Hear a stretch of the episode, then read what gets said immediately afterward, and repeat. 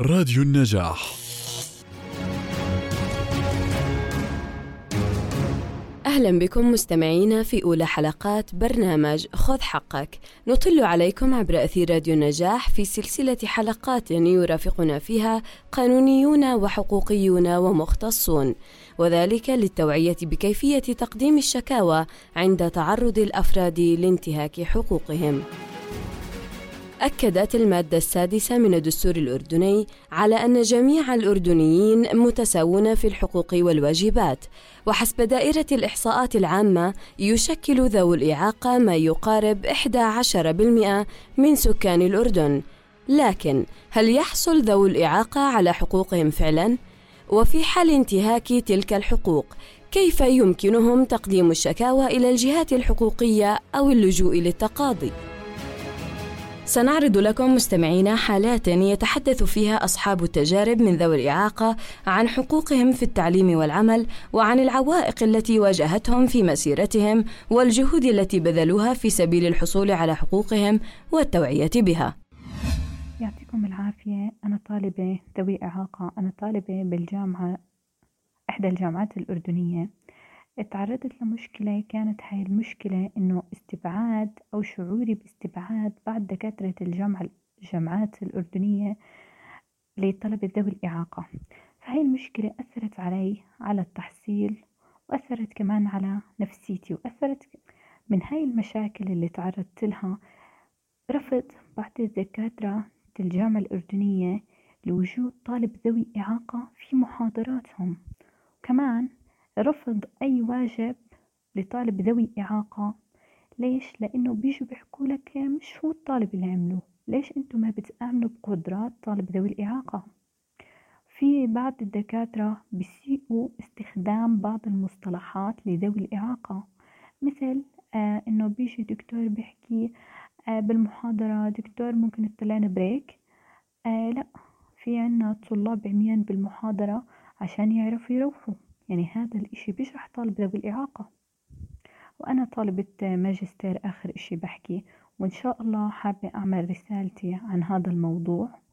وإن شاء الله بنحصل على نتائج إن شاء الله مرضية. وإن شاء الله نغير نظرة المجتمع لفئة ذوي الإعاقة. يعطيكم العافية.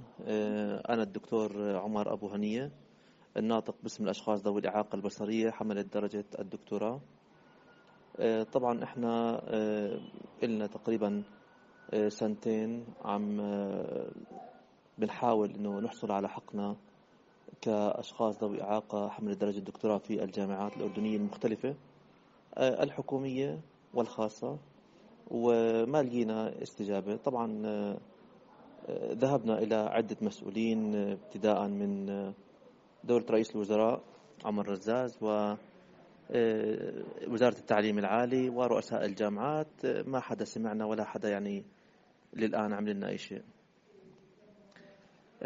طبعا إحنا أيضا ذهبنا للديوان الملكي العامر وقدمنا يعني هناك استرحام لجلالة الملك أنه نتعين في الجامعات أسوة بزملائنا من غير ذوي الإعاقة. وأيضا لسه ما صار شيء ولا يعني حدث أي إجراء على هذا الأمر. وحتى ذهبنا إلى المركز الوطني لحقوق الإنسان وقدمنا شكوى هناك. أنا ذهبت للمركز وقدمت باسمي وباسم زملائي شكوى على التهميش والإقصاء اللي بيمارسوا رؤساء الجامعات والإدارات في إقصاء الأشخاص ذوي الإعاقة البصرية حمل درجة الدكتوراه من التعيين.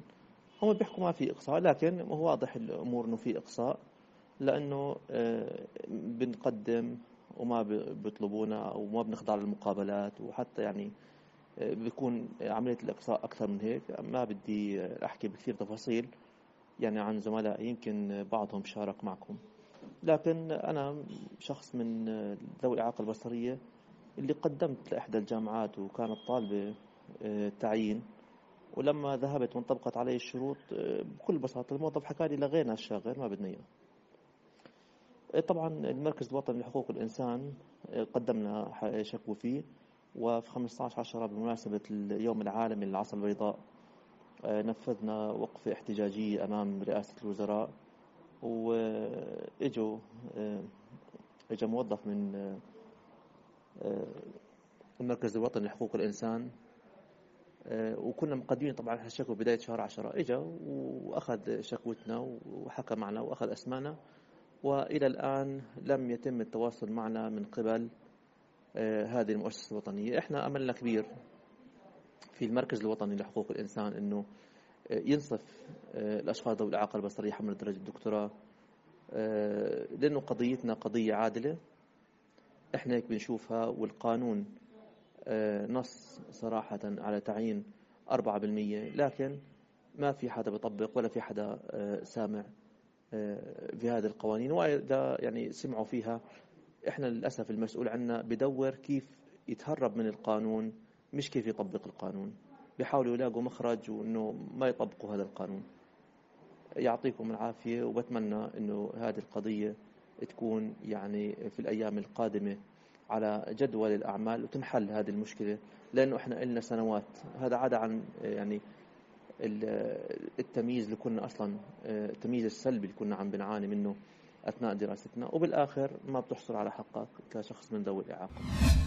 أنا حنين الكروي طالبة سنة رابعة المنافسة بالجامعة الأردنية. الفكرة حاب شوي أعرف بمبادرة حقي تحت النور. كانت بالاشتراك مع مركز الشرق والغرب للتنمية المستدامة. الفكرة من هاي المبادرة كنا حابين نسلط الضوء على بعض النقاط يلي حابين إنه يصير فيها وعي نوعا ما وبنفس الوقت نعدل شوي على كم من نقطة حاب هلأ نحكي فيهم. هلأ بالبداية إحنا طلعنا على القانون على أساس نختار قضية نشتغل عليها. وجدنا إنه في في القانون نسبة أربعة بالمية من الشواغر المادة رقم خمسة وعشرين من القانون قانون عشرين لسنة ألفين وسبعة. كانت بتنص إنه من حق الأشخاص ذوي بنسبة أربعة بالمية إنه من شواغر الشركة يعني عشان يتوظف أربعة من ذوي الإعاقة لازم يكون في مية شاغر أولا النسبة قليلة جدا وثانيا أنت عم تحكي عن عن مية من الشواغر إحنا مش عم نحكي عن مية من الموظفين. بس المشكلة كانت في ضيق الوقت لأنه مجلس النواب شارف إنه ينحل. فوجدنا إنه نشتغل على قضية تانية نكون قادرين نحققها خلال هدول الشهرين وكانت هي لجنة تكافؤ الفرص. من خلال الحملة تعرفت إنه في لجنة تكافؤ فرص. هلو إحنا بنطالب بشغلتين بخصوص هاي هاي اللجنة؟ الأولى إنه يكون في بيننا وبينهم خط ساخن. خط ساخن عشان يتلقوا الشكاوي ويتلقوا مثلا إذا كان في تمييز بالعمل لشخص ذوي إعاقة والى آخره لأنه هم حاليا بتلقوا الشكاوي عن طريق الإيميل. وبعتقد إنه هاي يعني بتعمل كثير حواجز بيننا وبينهم لأنه ما بيكون في تفاعل فوري وملحوظ للشخص ذاته. بالإضافة لشغله ثانية إحنا ما في تقارير فإحنا كثير بنحب يعني لو يصير في تقارير سنوية توضح عمل اللجنة وكيف تعاملت مع الشكاوي اللي انطرحت لها بداية بحب أعرف عن نفسي أنا رشا عياد معلمة في وزارة التربية والتعليم. طبعا أنا ضعيفة بصر تلقيت التعليم الأساسي في مدارس التربية والتعليم وكنت أتابع تعليمي بطريقة برايل مع أقراني المبصرين. أنا بشوف إنه التسهيلات البيئية تكاد تكون غير موجودة في مؤسساتنا التعليمية وإنه في معيقات بتمنع أحيانا الشخص ذو الإعاقة من إنه ياخذ حقوقه في التعليم زيه زي زملائه. أولى هاي المعيقات اللي هي طريق الوصول للمدرسة أو المؤسسة التعليمية اللي بده يروحها هذا الطالب مثلا. أحيانا بكون فيها بعض العثرات يعني في هذا الطريق. هاي العثرات مرات تتمثل بالحفر والأعمدة اللي بتكون موجودة بنص الشارع أو أن عدم وجود شيء ينبه الشخص ذو الإعاقة بأنه في درج لأنه هو مش شايف. فما بكون في مثلا بلاط خشن أو في خط عريض ملون باللون الأسود أو لون غامق حتى إنه ينبهه بوجود درج. قلة الرامبات اللي موجودة لذوي الإعاقة الحركية واللي بيستعيضوا فيها عن الدرج. الشغلة الثانية أو المعيق الثاني اللي بدي أحكي عنه اللي هو ضعف متابعة غرف المصادر في في المدارس. هاي غرف المصادر يفترض أنها بتتابع الأشخاص المتأخرين عن زملائهم. ويفترض إنه غرف المصادر هاي تكون طبعا فيها معينات بصرية تساعد الأشخاص ضعاف البصر على متابعة تعليمهم. هاي المعينات البصرية بتتمثل بالنظارات بتتمثل بالمكبرات أو العدسات اللي بتساعد الأشخاص على القراءة والكتابة بطريقة أسهل. آه، حقوق الأشخاص والإعاقة تدعو إلى أنه بتقول لا يجوز إسعاد أي شخص من العمل أو التعليم على أساس من الإعاقة أو بسببها. هلا في مجال التعليم أنا بتحكي عن خبرتي درست اليوم دكتوراه وبالأردنية ماستر وبكالوريوس. كان في صراحة آه، غياب شبه كامل للترتيبات التيسيرية المعقولة وإمكانية الوصول وبالإضافة للأشكال الميسرة هذا الشيء غير موجود أبدا أو بشكل خجول جدا. وفيما يتعلق بالعمل يعني نفسي أرى يعني أشوف إنه حامل شهادة الدكتوراه آه، تم تعيينه بناء على كفاءته مش بناء على واسطة بين قوسين ولا بناء على اعتصامات واحتجاجات تمت هنا وهناك. آه، للأسف إحنا بنطالب عملنا أكثر من سنة بتفعيل النسبة نسبة الأربعة بالمية التي نصت عليه المادة 25 من القانون المذكور لكن لا حياة لمن تنادي.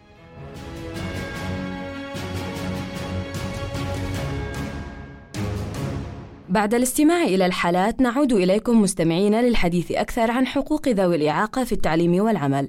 ونستضيف في الاستوديو الأستاذة لارا ياسين مديرة الشؤون القانونية في المجلس الأعلى لحقوق الأشخاص ذوي الإعاقة والأستاذ الصحفي أنس ضمرة الحاصل على جائزة منظمة صحفيون من أجل حقوق الإنسان للعام 2019 وذلك عن تقريره الفائز بالمركز الأول وهو بعنوان بيئة تعليمية طاردة.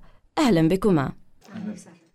بداية أستاذة لارا أتوجه بالسؤال لك. يعني نحن آه، لدينا آه، حاجة كبيرة إلى توعية آه، فئات المجتمع كافة توعية قانونية.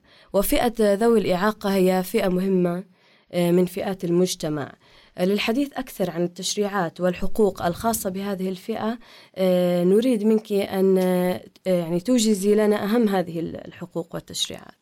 بداية اسمحي لي أن آه، نشكركم على استضافة المجلس الأعلى لحقوق الأشخاص ذوي الإعاقة في الحلقة الأولى من برنامجكم للحديث عن حقوق الأشخاص ذوي الإعاقة.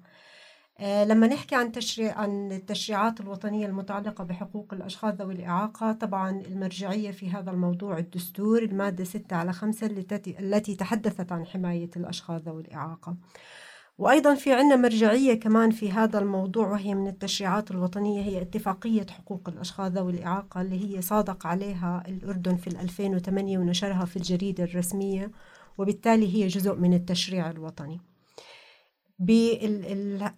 أيضا من التشريعات اللي جدا مهمة ونقدر نحكي فيها اللي هو قانون حقوق الأشخاص ذوي الإعاقة رقم 20 لسنة 2017 وهذا ممكن نحكي عن هذا القانون إنه هو عمل نقلة نوعية في موضوع حقوق الأشخاص ذوي الإعاقة لأنه هو نعتبره أول قانون مناهض للتمييز لأنه قائم على المساواة وتكافؤ الفرص وعدم التمييز للأشخاص ذوي الإعاقة في كافة الحقوق. هلأ تناول مجموعة من المصطلحات الحقوقية وبنقدر نقول إنه كمان مصطلحات جديدة بمنهجية حقوقية للأشخاص ذوي الإعاقة زي موضوع إمكانية الوصول موضوع الترتيبات التيسيرية موضوع الأشكال الميسرة فكلها هاي أمور جديدة وتتحدث عن حقوق الأشخاص ذوي الإعاقة. والأهم كمان أنه هو أفرد مادة خاصة لتعريف الإعاقة لأنه تحدث عن الإعاقة بمفهوم جدا مختلف اللي هي الإعاقة في البيئة المحيطة وليست هي الإعاقة في الشخص. كمان تحدث عن توزيع الأدوار والمسؤوليات والصلاحيات ما بين الجهات بمعنى أنه خصص وسمى بمسميات كل جهة على حدة شو هي مهامهم وصلاحياتهم ضمن هذا القانون. لما نتحدث عن التعليم فتحدث عن وزارة التربية والتعليم إيش لازم يكون آه، آه، على موضوع تعليم الأشخاص ذوي الإعاقة في بيئة تعليمية دامجة. لما بنحكي على موضوع العمل تحدث عن مثلا لما بنحكي عن القطاع العام والقطاع الخاص في عنا ديوان الخدمة المدنية وأيضا في عنا وزارة العمل. وأيضا تناول القانون موضوع جدا مهم اللي هو كمان المجلس الأعلى لحقوق الأشخاص ذوي الإعاقة وأيضا إيش اللي هي مهام وصلاحيات المجلس ضمن أحكام هذا القانون. آه هذا بالمجمل يمكن ال ال ال اللي تحدث عنه قانون حقوق الأشخاص ذوي الإعاقة. تحدث بمنهجية حقوقية بحتة. وزع المهام والصلاحيات وما بين جميع الجهات. وتحدث برضه تناول موضوع كتير مهم ويمكن هذا آه في غياب عنه في التشريعات الوطنية اللي هو عرف العنف. بالتالي هو تحدث عن تعريف العنف ليس فقط العنف ممكن الإيذاء الجسدي أو النفسي اللي بيكون ضد الأشخاص ذوي الإعاقة وإنما أيضا الحرمان من الحصول على الحق أيضا يعتبر عنف. وأيضا معاقب عليه بموجب أحكام القانون. تمام. شكرا لك أستاذة. أريد أن نتحدث أكثر عن نظام اللجان الطبية. القانون صدر والكل أشاد فيه يعني أنه يريد أن يعطي يعطي الأشخاص ذوي الإعاقة حقوقهم. لكن البعض يقول أن نظام اللجان الطبية بحد ذاته وجود لجنة آه، تقيم هؤلاء الأشخاص إلى شخص آه، مؤهل وغير مؤهل للوظيفة بحد ذاته في تمييز. آه، عدا عن يعني تعليقات البعض على هؤلاء الأطباء أنه هل فعلا هم قادرون على تحديد قدرة هذا الشخص؟ القدرة ليست دائما آه، محصورة بالجسد. يعني الشخص ذوي الإعاقة قادر على التطور قادر على أن يعلم نفسه تعليما ذاتيا. لماذا لا يتم دمجهم في هذه البيئة؟ وما هو تعليقك على نظام اللجان الطبية؟ تمام. هلا يمكن موضوع نظام اللجان الطبية هون لما بنحكي على موضوع موائمة التشريعات مع القانون. هلا إحنا حكينا إنه هو قانون جدا مختلف. هلأ نص في المادة خمسة على باء من هذا القانون إنه لا تحول الإعاقة بحد ذاتها دون أن يكون الشخص قادر على العمل أو التعلم. فبالتالي نظام اللجان الطبية يمكن فيه نقطة كتير مهمة اللي هي بتحكي على موضوع اللياقة الصحية. القدرة اللي بنحكى فيها في هذا المجال على موضوع أنه غير لائق صحيا لممارسة العمل. وهون هي النقطة الفاصلة في هذا الموضوع. آه، طبعا إحنا هو نظام بحكم حكما على الشخص ذوي الإعاقة أنه غير قادر. فبالتالي أحال كمان هذا النظام للطبيب هذا الموضوع. وإحنا هون بنحكي في نقطة جدا مهمة. يعني حتى القانون هو تحدث آه، آه، على موضوع قديش ممكن الأمور الفنية اللي هي تتوفر للشخص لممارسة الحق. نعم في كتير ناس مؤهلين وأنا بحكي يعني هذا كمان من ضمن الأشياء يعني بتيجي كمان للمجلس شكاوى في هذا الموضوع. يعني هو بيكون عنده كفاءة و... و... وعنده من حملة الشهادات ولكن بيجي اللي هو نظام اللجان الطبية بيقطع أو بيكون فيصل في موضوع إنه مثلا تعيينهم في مكان معين في جهة رسمية معينة عشان موضوع عدم اللياقة الصحية. هذا قديش يعني بيكون حاجز للأشخاص ذوي الإعاقة لممارسة حق العمل.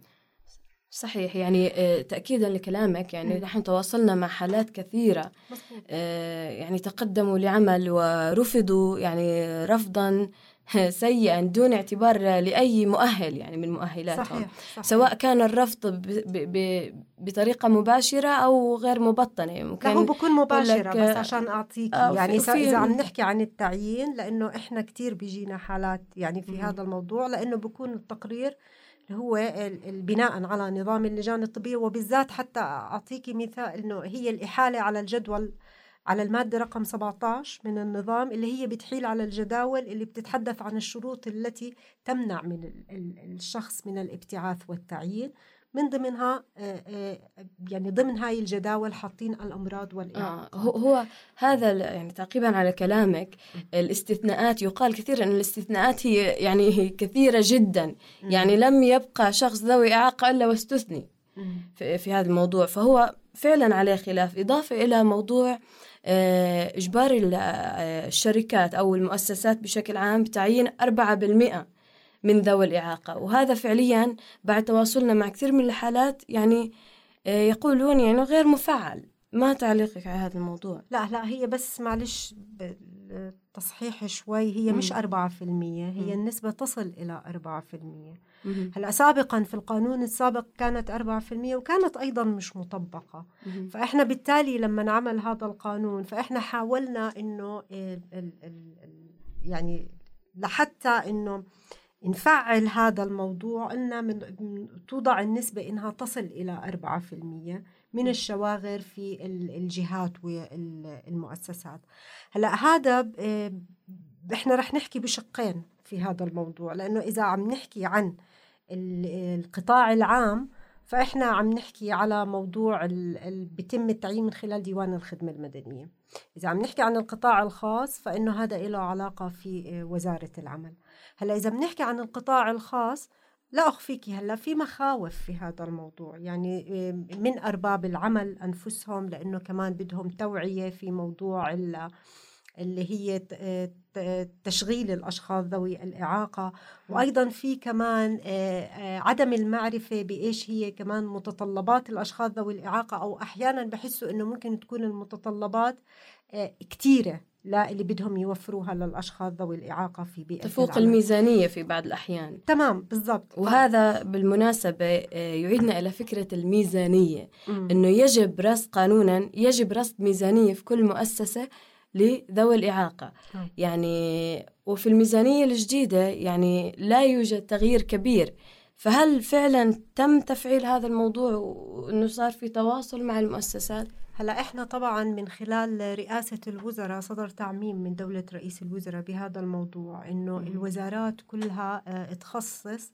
من مخصصاتها المالية جزء لحقوق آه، آه، الأشخاص ذوي الإعاقة يعني بهذا المجال.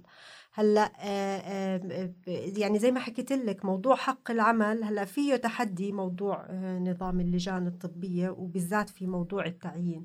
هلا شو إحنا يعني نعمل في هذا الصدد أو في هذا الموضوع. طبعا هلأ إحنا عم نحكي كمان عن شغلتين لأنه نظام اللجان نظام الخدمة المدنية في المادة 43 على جيم بتحيل على نظام اللجان الطبية لأنه م. كمان أنت عم تحكي عن تداخل تداخل تشريعي م. هلأ إحنا قانون حقوق الأشخاص ذوي الإعاقة هو القانون الأولى بالتطبيق لأنه هو القانون الخاص وهو الق... يعني قانون لاحق أعلى من النظامين سواء م. نظام اللجان وهنا الطبية الإشكالية يعني بالضبط ونظام ديوان الخدمة المدنية هلأ طبعا إحنا آه، آه، في تعاون وتنسيق لأنه كمان هذا جزء من عمل المجلس مع ديوان الخدمة المدنية ومع وزارة الصحة في هذا الصدد لتتم عملية مراجعة الأحكام النظامين. يعني المادة 43 آه، آه، تم مناقشتها يعني ما بين ديوان الخدمة والمجلس وبعثنا كتاب رسمي بهذا الخصوص وأيضا مع وزارة الصحة لحتى أنه تتم مراجعة نظام اللجان الطبية لأنه بحرم كثير من الأشخاص ذوي الإعاقة من اللي هو أخذ فرصتهم لأنه إحنا عم نحكي هذا القانون مبني على تكافؤ الفرص للأشخاص ذوي الإعاقة ولتحقيق الموائمة التشريعية. هلا آه، المجلس الأعلى لشؤون الأشخاص ذوي الإعاقة في آه، لجنة آه، تهتم بالتشريعات تمام؟ الآن يعني هل حقا يتم العمل مع ذوي الإعاقة؟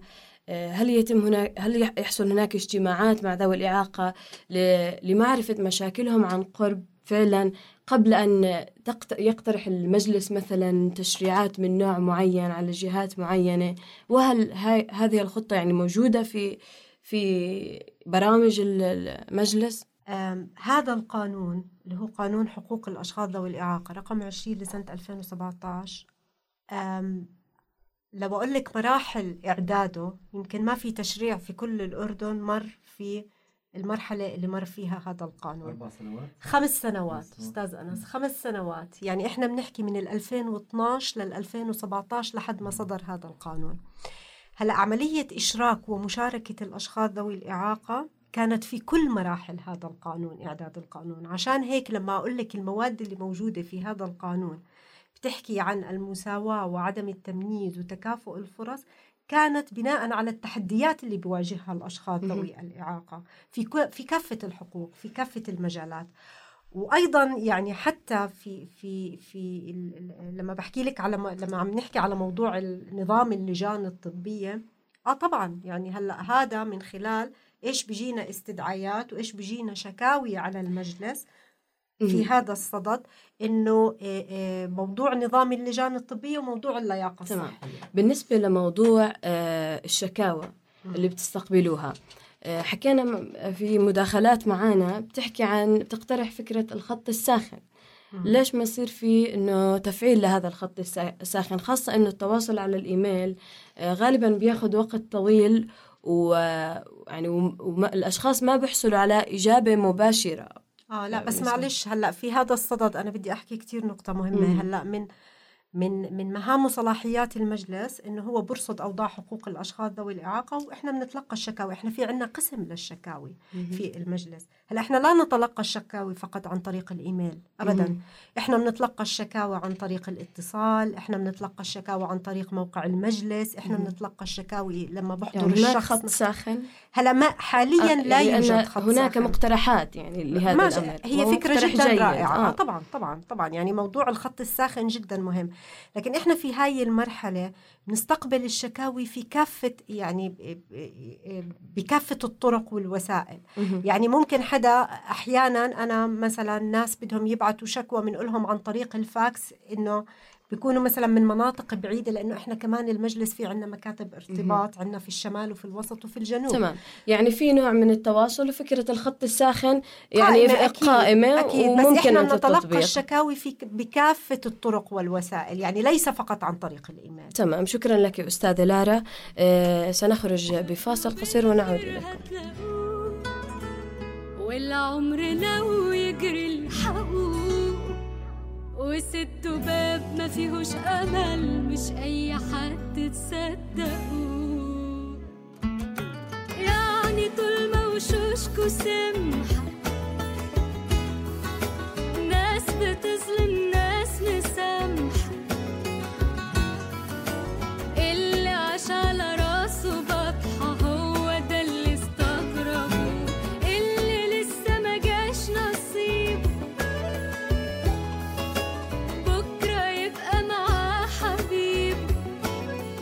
عدنا إليكم مستمعينا للحديث عن التهيئة البيئية في المدارس. أه وسنستضيف معنا عبر الهاتف الدكتور محمد الرحامني رئيس قسم صعوبات التعلم واضطرابات النطق واللغة في إدارة التعليم التابعة لوزارة التربية والتعليم. أهلا بك أستاذ محمد. مساء الخير ست فاطمة ولضيوفك الكرام مساء وللمستمعين الأعزاء. أولا إذا سمحت لي أشكرك على هذا البرنامج الرائع. آه الذي يتناول مواضيع ذات أهمية ولا سيما الطلبة ذوي الإعاقة وهي فئة عزيزة على قلوبنا جميعا. شكرا لك أستاذ تفضل. نريد أن نتحدث عن موضوع التهيئة البيئية في المدارس وسيكون معنا في الاستوديو دكتورة لارا ياسين من المجلس الأعلى لحقوق ذوي الإعاقة والأستاذ الصحفي أنس ضمرة. نريد أن نعرف ما هي جهود الوزارة في دمج طلاب ذوي الإعاقة حقا في في في التعليم. هل هناك بيئة مهيئة؟ ما هي التغييرات التي حصلت خاصة بعد القانون الأخير الذي صدر بخصوص الأشخاص ذوي الإعاقة؟ نعم فاطمة أولا امتدادا لنهر العطاء الهاشمي المتفق الذي يستهدف الطلب من ذوي الإعاقة وتماشيا مع الاتجاهات العالمية في مجال تعليم الطلبة ذوي الإعاقة. كما تعلمين اعتمدت وزارة التربية والتعليم نهج شامل للتعليم الدامج وانطلقت من القانون الذي أشرت إليه من قليل اللي هو قانون حقوق الأشخاص ذوي الإعاقة رقم 20 سنة 2017 والذي حقيقة يعتبر مظلة قانونية تنطلق منها الوزارة في تحقيق مشروع التعليم الدامج تمام يعني هذا الموضوع هو بتوجيهات هاشمية.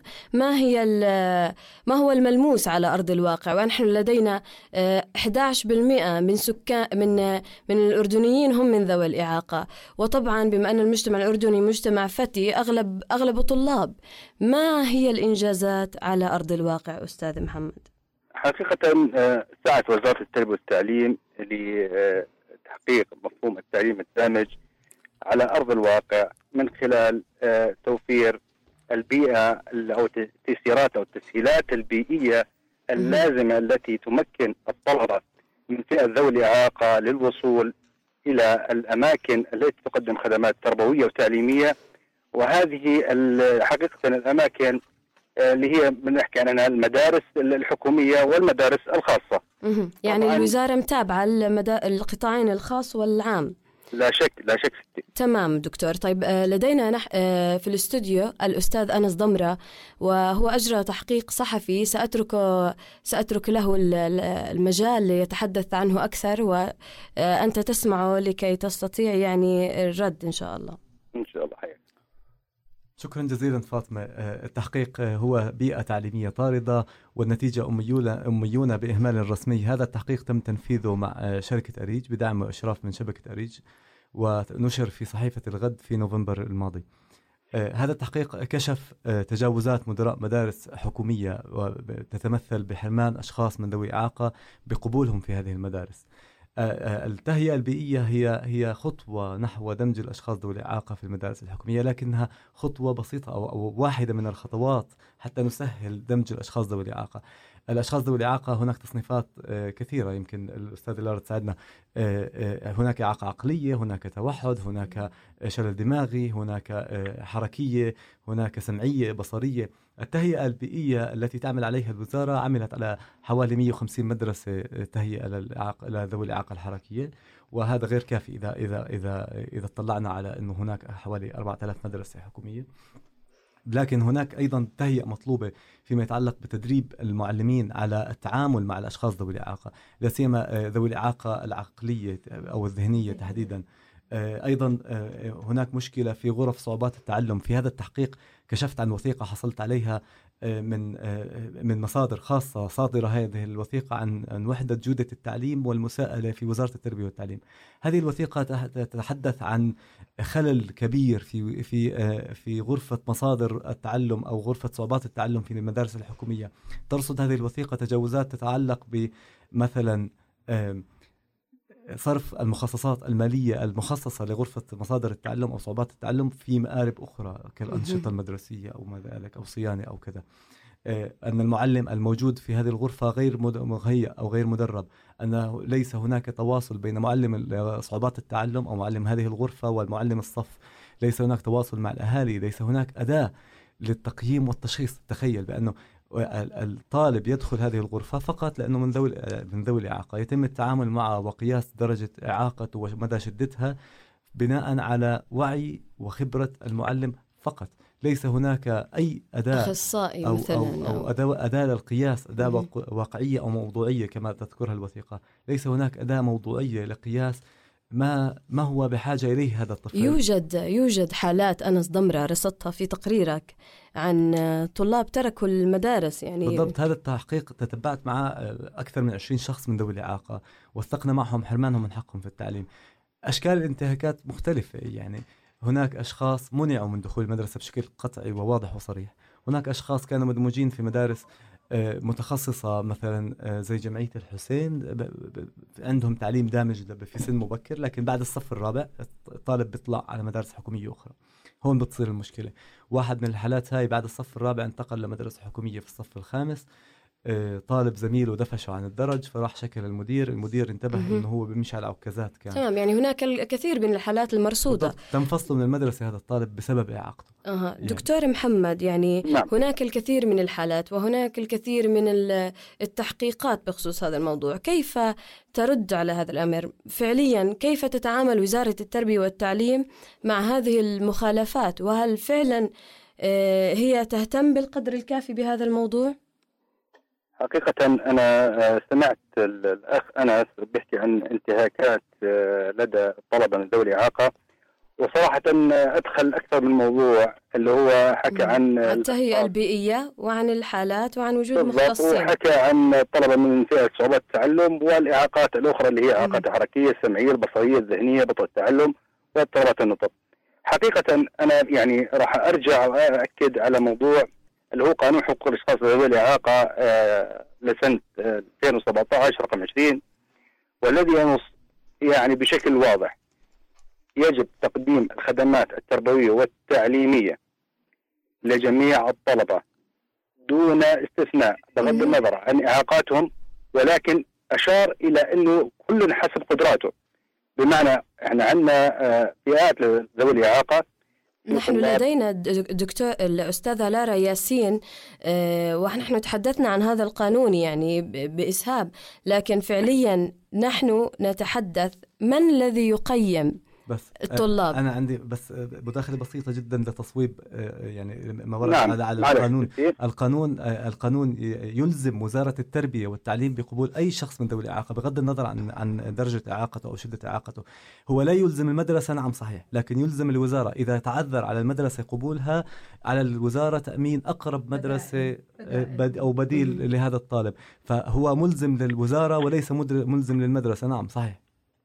فيعني الوزارة بالنهاية هي الجهة المسؤولة نعم وليست نعم. المدرسة المسؤول المباشر نعم بالتأكيد هي ال- ال- الوزارة طبعا من خلال المديريات التابعة لوزارة التربية والتعليم آه، تتابع هذا الموضوع موضوع قبول الطلبة دون استثناء بغض النظر عن الإعاقة أرجع وأكرر بغض النظر عن الاعاقه يعني لا يوجد عذر تمام الآن كيف تتصرف الوزارة مع هذه. الانتهاكات كيف نعم. ستتصرف الوزارة فعلا مع هذه الانتهاكات يعني نريد آه، أمور عملية بهذا الصدد. يعني الحالات موجودة. آه، ويعني آه، عفوا أريد أن أقول لك المدارس فعليا غير مهيئة للأشخاص آه، العاديين. فما بالك فئة ذوي الإعاقة؟ يعني المرافق الصحية غير مهيئة التدفئة غير مهيئة. فما بالك بالأشخاص ذوي الإعاقة؟ ما هي جهود ال... نحن نريد خطة عملية. ما هي الخطة القادمة على الأقل؟ إن لم يكن إنجازات إن لم يكن هناك إنجازات سابقة. يا يا أختي فاطمة هذا اذا بدك تتحدثي عن تسهيلات بيئية يعني من ضمن ال- الإنجازات اللي التي تمت اللي هو تم تضمين كودة البناء مهم. الخاصة بالمدارس بناء مدارس التابعة لوزارة التربية والتعليم بأن تكون مجهزة لاستقبال الطلبة من فئة ذوي الإعاقة. لما نتحدث عن كودة بناء إحنا نتحدث عن مرافق صحية، نتحدث عن عمل رمبات، عن مسالك حديدية، مهم. نتحدث طيب عن. هذا هذا الموضوع هو ضمن آه، يعني ضمن القانون. يجب أن أن ترصد الوزارات ميزانية لذوي الإعاقة.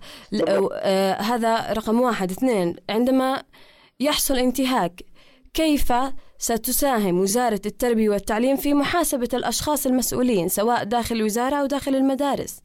حقيقة إحنا يعني هل هناك يعني نظام أو بشكل عام فئة الطلب من فئة ذوي الإعاقة هم من فئة الطلب من ذوي التعليم العام يعني العاديين من غير ذوي الإعاقة.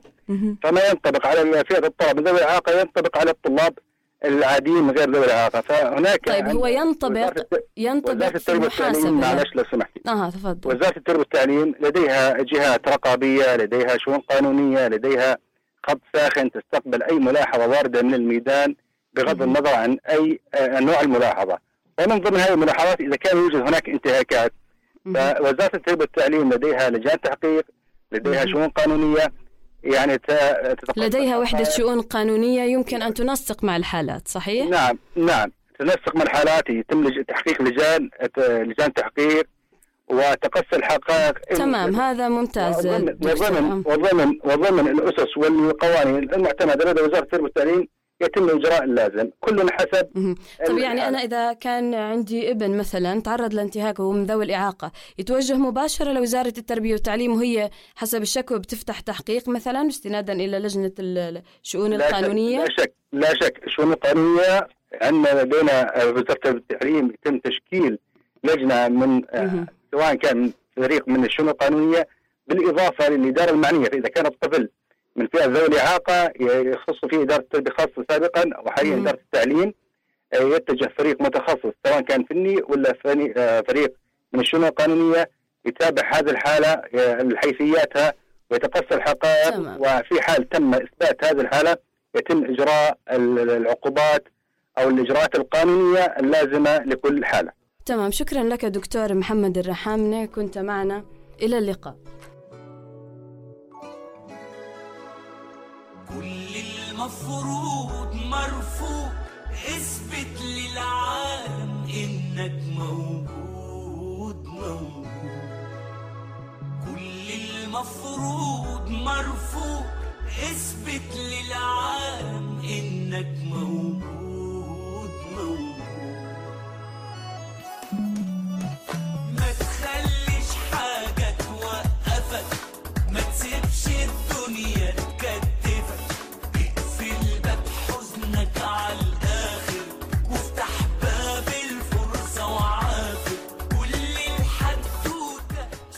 نعود إليك أنس ضمرة معنا في الاستوديو ما تعقيبك على يعني فكرة وجود لجنة قانونية يعني هل. تعتقد أن هذه اللجنة في الوزارة آه، تتابع فعلا حالات الشكاوى؟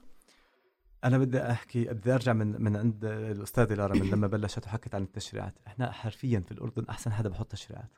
قانون الأشخاص ذوي الإعاقة هو يعني بدي إذا إذا إذا بدي أكون متحمس بقدر أحكي لك هو بتفوق على الاتفاقية الدولية لحقوق الأشخاص ذوي الإعاقة. قانون فخم بمعنى الكلمة. أوكي؟ لكن متى آه، المشكلة مش بالقانون أو مش بالنص القانون المشكلة. بالتنفيذ هي. دائما. فمثلا عن عن يعني نتكلم عن ضعف تنسيق مثلا بين ال- ال- بالضبط. الجهات ال- المؤسسات بالضبط. وال- القانون في نص ملزم. هلأ إذا بتفتحي هاي القانون. في نص ملزم اولا بيحكي إنه خلال بعد خلال سنة من إقرار هذا القانون لازم وزاره الت- التربية تكون آه، أقرت خطة الدمج الشامل. بالتنسيق مع المجلس الأعلى. الخطة أنا عندي معلومات إنها تقريبا شبه جاهزة لكن حتى الآن لم تقر هذه الخطة. هاي مخالفة قانونية أولى يعني هاي لوزاره التربية تأخر عن الموعد بالضبط. مبدئيا ثانيا وهذا مش اتهام أنا بوجهه للوزارة. هذا سؤال أنا سألته. لامين عام الوزارة. أوكي؟ ولمدير إدارة التربية الخاصة هناك. إنه هل تم محاسبة أي من مدراء المدارس عن آه، رفضه لأي قبول لأي شخص من ذوي الإعاقة؟ ما كان في أي محاسبة. فالفكرة بأمان العقوبة طالما ال- العقوبة آمنة ما في عقوبة سهل إنه يصير الانتهاك. والحجة دائما هي إنه مدارسنا مش جاهزة مدارسنا معظمها مستأجرة وهكذا. المشكلة الثانية اللي هي أنا بعتقد إنها مشكلة رئيسية بكل ملف ذوي الإعاقة. التوعية. إذا إحنا المدير المدرسي واعي والمعلم موعى أوكي؟ وذوي الش- الإعاقة نفسهم وعوا وهذا ذوي صراحة الإعاقة الهدف من وأهاليهم- البرنامج. واهاليهم واعيين بحقهم وحق أطفالهم في التعليم. تحديدا. ليه؟ لأنه التعليم هو مشكلة آه، آه، المشكلة الأولى اللي حتواجه أي شخص من ذوي الإعاقة. بعد ذلك حتبلش تراكمي على هاي المشكلة مشكلات أخرى فيما يتعلق مثلا في العمل. بعد كتاب حق الحصول على المعلومة لديوان الخدمة المدنية. بدي أشوف أنا مخرجات الأردن في التعليم فيما يتعلق من ذوي الإعاقة فبدي أشوف كم حدا مقدم على ديوان خدمة اللي هي أي إجراء سليم بيعمله أي أردني بس يخلص الدراسة بيروح على ديوان خدمة يقدم عشان ياخذ وظيفة فبدي أشوف كم عدد الأشخاص ذوي الإعاقة اللي على الويتنج اللي بيستنوا مهم. وظائف في- ولدينا بالمناسبة بالضبط. سواء يعني آه، نظام الخدمة المدنية أو المؤسسات الأخرى من جامعات مم. يعني حكومية نعم لدينا حالات آه، يعني سندرجها بعد ذلك. تتحدث عن طلاب دكتوراه يطالبون بحقوقهم لكن نعم. لا يوجد من يستمع يعني ولا يوجد من يلتفت. في هاي المعلومات اللي طلبتها من الديوان والديوان خدمة آه، آه، أجابوا على الطلب. 1900 شخص فقط هم اللي على ال waiting list اللي, اللي بيستنوا وظائف. بس 1900 شخص معظمهم من الاعاقه البصرية والسمعية اللي هم مدموجين اوتوماتيكيا قبل ما الوزارة تشتغل على الدمج. مهم. فالفكرة لأنه دمجهم أسهل من باقي لأنه الفئات تاريخيا. هم بندمجوا في المدارس. الصم ولهم مدارس خاصة تحديدا مهم. والكفيفين في مدرسة في كذا مدرسة لهم خاصة فمشاكلهم شوي أسهل المشاكل الأصعب والتحدي الرئيسي الكبير اللي مع ملف ذوي الإعاقة هي الإعاقة الذهنية بشكل رئيسي. واللي عددهم بالمدارس الحكومية من أصل مليون و200 أو 300 ألف طالب في المدارس الحكومية 130 طالب فقط من الإعاقة الذهنية. من كل الإعاقات عم نحكي عن 1600 طالب إذا بدنا نجمع صعوبات التعلم عم نحكي عن 23 ألف طالب. هاي الأرقام بالمقابل بتقدير سمو الأمير آه، مرعد بن رعد رئيس المجلس الأعلى لحقوق الأشخاص ذوي الإعاقة عم بقدر الأشخاص ذوي الإعاقة من هم في سن التعلم حوالي 350 ل 400 ألف. 23 يعني عدد ألف كبير. فقط اللي منهم بتلقى تعليم تخيلي كمية الناس أو حجم الناس اللي خارج المؤسسات التعليمية وبعد ذلك مستقبلهم. أنت شخص غير مدرب غير مؤهل مش متعلم محكوم الطبيعي- عليه بأن تنتهي حياتهم بالضبط. قبل أن تبدأ شخص حتى. غير مستقل تابع تمام. لأهله شكرا لك لأقاربه. أستاذ أنس. آه، سنعود إليكم مستمعينا بعد فاصل قصير. حرية ما تقطع عني الهوى. لا تزيدك كتير علي. أحسن ما نوقع سوا. أنا بتنفس. حرية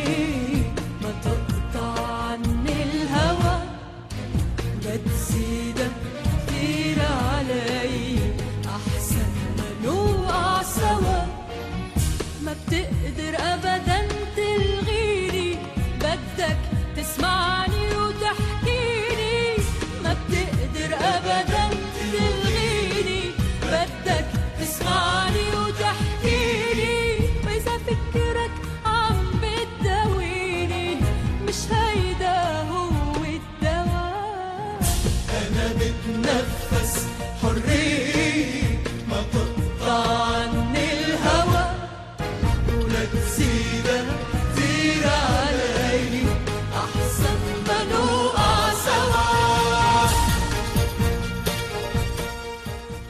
عودة إليكم مستمعينا ومعنا على الهاتف المحامية بثينة فريحات مديرة إدارة الفئات الأكثر حاجة للحماية من المركز الوطني لحقوق الإنسان. أهلا بك. أهلا وسهلا. الآن آه، فئة ذوي الإعاقة أستاذة بثينة هي فئة تحتاج إلى عناية خاصة. ويعني تقول ال- ال- الإحصائيات أنها ال- ال- الظلم أو مش الظلم مقدار الانتهاك الواقع على هذه الفئة يمكن أن يكون أكبر لأنها فئة لا تستطيع آه، في كثير من الحالات أن تدافع عن نفسها. في المركز الوطني لحقوق الإنسان أريد منك بعجالة أن تعرجي على أهم القوانين التي اهتمت بحقوق ذوي الإعاقة والأهم كيفية تقديم الشكاوي للمركز الوطني لحقوق الإنسان وكيف يتعامل معها وما إذا كان هناك يعني أرقام أو إحصائيات لهذه الشكاوى. بداية اسمح لي أن أتقدم بجزيل الشكر والعرفان باسم المركز الوطني إلى إذاعتنا الكريمة لاهتمامها بحماية وتعزيز حقوق الأشخاص ذوي الإعاقة في الأردن. المركز الوطني وهو مؤسسة وطنية معنية باستقبال الشكاوى المتعلقة بانتهاكات حقوق الإنسان في الأردن. فيستطيع أي إنسان مقيم على أراضي المملكة أن يتقدم بشكوى. هذه الشكوى تتضمن آه، ما هي الانتهاكات التي تعرض لها هذا الشخص؟ آلية تقديم الشكاوى من خلال الفاكس أو الإيميل أو الحضور شخصيا أو من خلال الخط الساخن الموجود بنقدر نستقبل شكوته على مدار الساعة. وكيف يتعامل المركز مع هذه الشكوى؟ بعد التحقق من صحة هذه الشكوى واستكمال كافة ال- الأوراق الثبوتية اللي بقدمها المشتكي لإثبات على صحة شكوى نستطيع متابعة هذه الشكوى من خلال متابعتنا مع الجهات ذات العلاقة من خلال مخاطبة الكتاب آه، الرسمي للجهة المنتهكة الحق عندما نتلقى الرد قد يقتنع المركز به وقد لا يقتنع لكن جميع الجهات يت- يبذل قصارى جهده لرفع الانتهاك عن هذا الإنسان طب بحيث آه. طبعا نعم. مخاطبة ال- ال- المؤسسة ذات العلاقة هو يعني يندرج آه، تحت صلاحيات ال- المركز الوطني لحقوق الإنسان ولكن تحت حق الحصول على المعلومة وحق الحصول على المعلومة هو متاح للجميع. فما المميز في دور المركز الوطني لحقوق الإنسان في مخاطبة هذه الجهات؟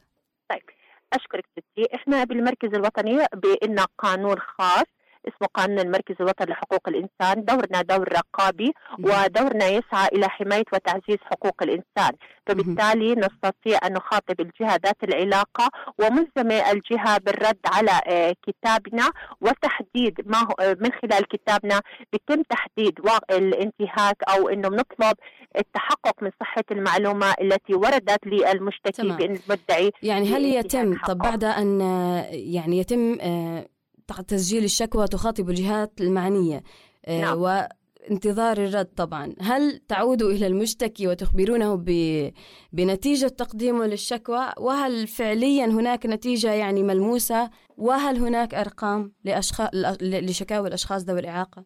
طبعا المشتكي من حقه بأي وقت أنه هو يستفسر عن تقديم آه، الشكوى ما هي الإجراءات المتخذة من قبل المركز حي- حيال الشكوى اللي هو يتقدم لها. شهدنا العديد من هذه الشكاوى من المواطنين المتعلقة بانتهاكات حقوق الأشخاص ذوي الإعاقة لها حق في العمل والتعليم. والصحة تمام. وغيرها من آه، غيرها من الحقوق المنتهكة لحقوق الأشخاص ذوي الإعاقة. طبعا من خبرة ما هي الإجراءات المتخذة وما هو مضمون الرد من الجهة المعنية. تمام. آه، لدينا حالة وهي آه، حالة لشخص يعني من طلاب الدكتوراه أو من خريجي الدكتوراه ومعه أيضا الكثير من الخريجين قاموا باعتصام وطالبوا جهات كثيرة وخاطبوا أيضا المركز الوطني لحقوق الإنسان دون الحصول على رد. كيف تردين على ذلك؟ وذلك كان يعني آه، قبل آه، منتصف شهر عشرة يعني الاعتصام تقريبا صار في منتصف شهر عشرة وهم خاطبوا المركز قبل ذلك. طيب. ستي إحنا الشكاوى إحنا بنتابعها بشكل سري آه، غير مسرحين بالإعلان عن أسماء ال- المشتكين لكن هي بحق أي مواطن إنه يقدم شكوى لعنا. آه، متى ما قدم تاريخ آه، من تاريخ تقديم شكوته له الحق في الحفاظ على سرية المعلومات اللي تقدم لنا فيها ونعطيه ما هي الإجراءات المتخذه حيال هذا الشكوى تمام. هذا الشخص يقول أنه يعني لم يحصل على رد. لماذا لم يحصل على رد؟ منذ يعني قبل شهر بإمكانه عشرة هو بامكانه هو يراجع المركز ويتأكد ما هي الإجراءات المتخذة. قد تكون الشكوى قيد المتابعة والتحقق من صحة الشكوى. المشتكي يتقدم بالشكوى لكن لدينا إحنا الإجراءات المتخذة حتى نتقدم من صحة الشكوى. مثلا في عندك مواطنين من حملة شهاده الدكتوراه بتقدموا للشكوى للمركز الوطني لكن إحنا من حقنا إنه نتأكد من صحة المعلومات اللي وفر لنا إياها المشتكي. هل هو تم انتهاك حقه بسبب الإعاقة؟ أم إن كان تمييز على أساس الإعاقة؟ إم بطلب الحصول على عمل. هنا بيختلف الموضوع. إذا كانت والله كان في تمييز على أساس الإعاقة أو بسبب هذا انتهاك واضح. لكن هل هو كان طلبه من المركز هو الحصول على فرصة عمل في أحد الجامعات أو في جامعة معينة هنا اختلف الموضوع فبالتالي إحنا لما تردنا أي شكوى يتم التحقق من صحة المعلومات واتخاذ الإجراءات، بإمكان أي مواطن إنه يرجع ويسأل عن شكوته اللي هو يتقدم فيها لدى المركز والمركز له الحق في الرد على طبعا وبيان الإجراءات المتخذة حيال أي شكوى. أستاذة بثينة معنا في الاستوديو الصحفي أنس ضمرة. يود أن يعلق قليلا على ما قلتي تفضل. مساء الخير. مساء النور هلا عملت على تحقيق خلال الفترة الماضية يوثق حرمان أشخاص من ذوي الإعاقة من حقهم في التعليم. المشكلة الرئيسية التي تواجه الأهالي هي أنه ما عندهم خلفية قانونية أو, أو ما عندهم الوعي الكافي بحقهم أو حق أبنائهم في التعليم. يعني دائما الإجابة كانت إنه أنا ما بعرف وين أروح أشكي ما بعرف كيف أشكي. بعدين عبء, عبء الإثبات كبير. يعني آه الأب مش حيقدر يأخذ ورقة من مدير المدرسة مدير المدرسة يحكي فيها إنه أنا رفضت هذا الطالب فلان الفلاني لأنه من ذوي الإعاقة. هل عبء الإثبات على المركز الوطني ولا على على مقدم الشكوى بشكل رئيسي؟ وثانيا هل وصل هل وصلكم شكاوى من هذا النوع تتعلق بحرمان من حق في التعليم في المدارس الحكومية بشكل أو بآخر؟ و... أشكرك. وبعد ذلك إيش الإجراء اللي بصير على هذا النوع من الشكاوى؟ صحيح أشكرك كل اللي تفضلت فيه صحيح هسه إحنا بدنا نفرق بين نقطتين في شيء بنسميه إحنا الرصد رصد واقع حقوق الأشخاص ذوي الإعاقة في الأردن وفي عندنا استقبال الشكاوى المتعلقة بانتهاكات حقوق الأشخاص ذوي الإعاقة. نعم. هسه تقديم الشكوى بحق لأي مواطن إنه يقدم هذه الشكوى بإمكانه عشان هيك إحنا في عندنا الخط الساخن. فبيقدر أي مواطن من خلال الخط الساخن على مدار الساعة بيقدر يقدم شكوته هلأ ممكن ما يكون في عنده إثبات على صحة شكوته فهذا الأمر بيتم التحقق من صحة الشكوى من قبل فريق متخصص في التحقق من صحة الشكوى وتقصي المعلومات. في كمان المركز بيقوم على رصد واقع حقوق الأشخاص ذوي الإعاقة في الأردن، الرصد اللي إحنا بنرصده كثير في حالات رصدناها بيتم رفض تشغيل الأشخاص ذوي الإعاقة بسبب إعاقتهم، بيكون في تمييز على أساس الإعاقة أو بسببها أو بيرفضوا يتم تسجيلهم في المدارس بسبب الإعاقة، برضه هذا كمان إحنا رصدنا حالات كثيره وفي حالات حل... بيتم تحليل وإعداد التقارير. لما إحنا نرصد واقع حقوق الأشخاص ذوي الإعاقة سواء كان واقعهم في العمل أو في التعليم أو في الصحة أو في الدمج أو في حقوقهم بشكل عام بيتم إعداد تقرير رصد عن واقع حقوق الأشخاص ذوي الإعاقة هذا الرصد بيسجل له تقرير التقرير بالرفع إلى رئاسة الوزراء بالرفع إلى وزارة العمل بالرفع إلى وزارة التربية والتعليم بالرفع أيضا إلى المجلس الأعلى لحقوق الأشخاص ذوي يعني. الإعاقة بتقدم هذه التوصيات من أجل وهذه التوصيات تتضمن تفعيل تشريعات زي مثلا تفعيل تشغيل الأشخاص ذوي الإعاقة اللي هي الكوتا لهم بتضمن رسم سياسات بتضمن إنه يكون في دور رقابي على أصحاب العمل بتشغيل الأشخاص ذوي الإعاقة بتضمن نشر البرامج التوعوية للأشخاص ذوي الإعاقة أو لأصحاب العمل بحقهم في التش... بحقهم في العمل. تمام. هذه التوصيات نعمل المركز على متابعتها مع الجهات ذات العلاقة. لكن هذا الواقع اللي تفضل فيه هو صحيح 100% هذا للأسف الشديد موجود واقعهم في انتهاكات لحقوقهم كثيرة. وسجل المركز واقع حقوق الأشخاص ذوي الإعاقة من ضمن تقريرهم السنوي لأوضاع حقوق الإنسان في الأردن عبر السنوات الماضية وكان آخرها تقريره في عام 2018 تمام شكرا لك دكتورة أستاذة بثينة فريحات كنت معنا من المركز الوطني لحقوق الإنسان. شكرا. شكرا, شكرا. لكم هيوقفوك هيحاولوا يقشوك ويحبطوك ويكسروك. خليك دايما جامد جرب حاول عاند هيقطعوك تملي يفشلوك يبكتوك ويزهقوك.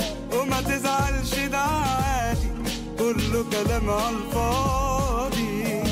لو غرقوك قوم لو وقعوك للوقوف على كيفية تقديم الشكاوى من الناحية القضائية معنا المحامي علي صليبي من مركز العدل للمساعدة القانونية. أهلا بك.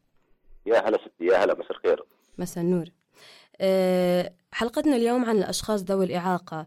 أه، نريد منك أه، أن تحدثنا عن طريقة تقد... عن طريقة اللجوء إلى التقاضي في حال حصول تمييز ضد ذوي الإعاقة خاصة في مجال العمل يعني.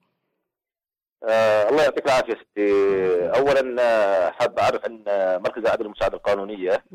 آه إحنا بنقدم آه، خدمات التمثيل القانوني للأشخاص غير القادرين على آه توكيل محامي.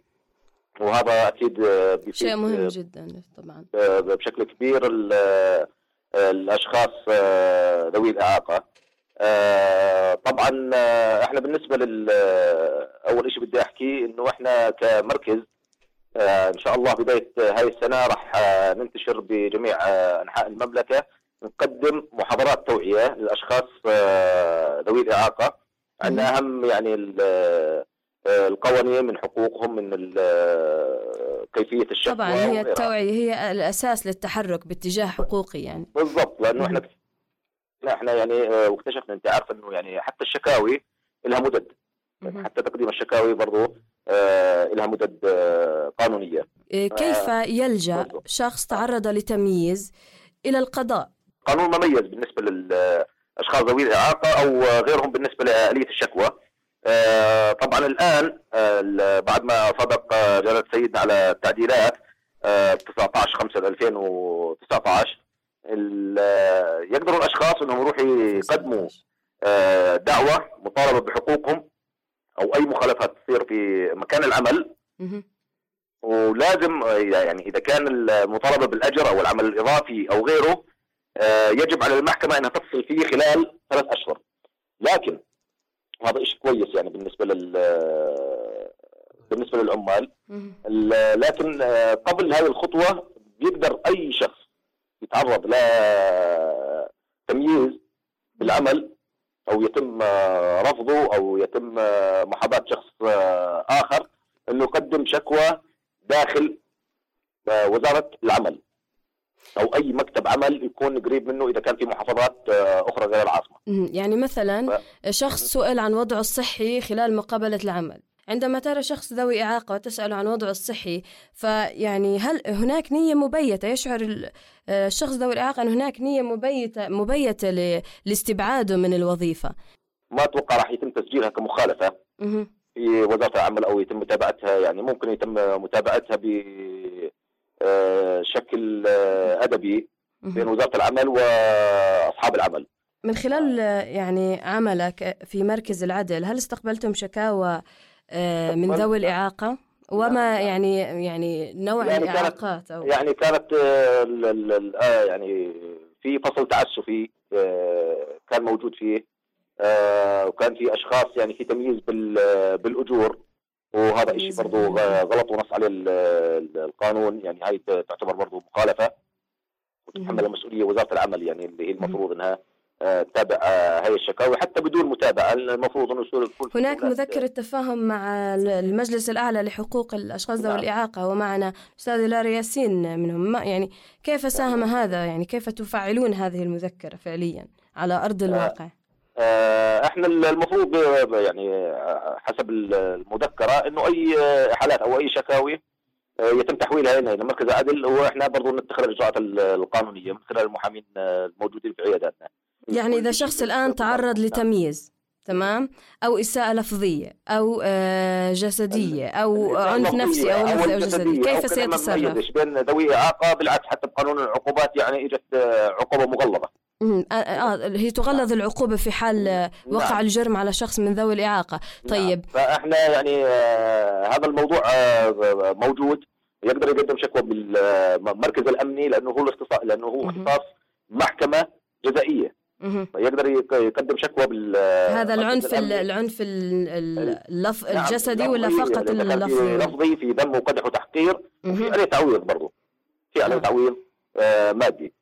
يعني يستطيع أن يتابع المركز الأمني ثم المحكمة الجزائية إذا كان في بعد عنف ما يجلبوا لهذا الأطراف نعم بعد ما يجلبوا الأطراف يتم تحويلها للمدعي العام والمدعي العام يحولها للمحكمه المختصة وال... وال... والتمييز يعد عنفا يعني أم ماذا ضمن أي يعني بند حسب من بنود القانون يعني حسب ال- القضية كل قضية راح تاخذ آه، شكل خاص يعني.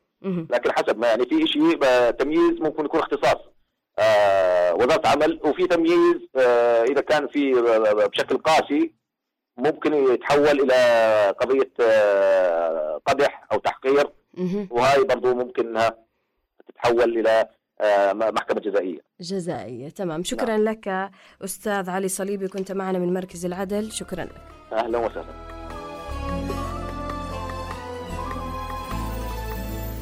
لسه في الأيام أمل مستنين طول ما في الأيام في ناس عايشين عشانها. لسه للأحلام بقية مكملينها طول ما في إحساس قلوبنا مصدقينه. لسه في الأيام أمل مستنين بهذا نصل مستمعينا إلى نهاية حلقتنا عن حقوق ذوي الإعاقة في العمل والتعليم. نلقاكم في الحلقة القادمة راجين لكم أمنا وحرية دائمين في وطن على قدر ما نرجو وبقدر ما نحب. كان معكم من الإعداد والتقديم فاطمة وشاح ومن الهندسة الإذاعية محمد عبد الله. دمتم بخير وحرية.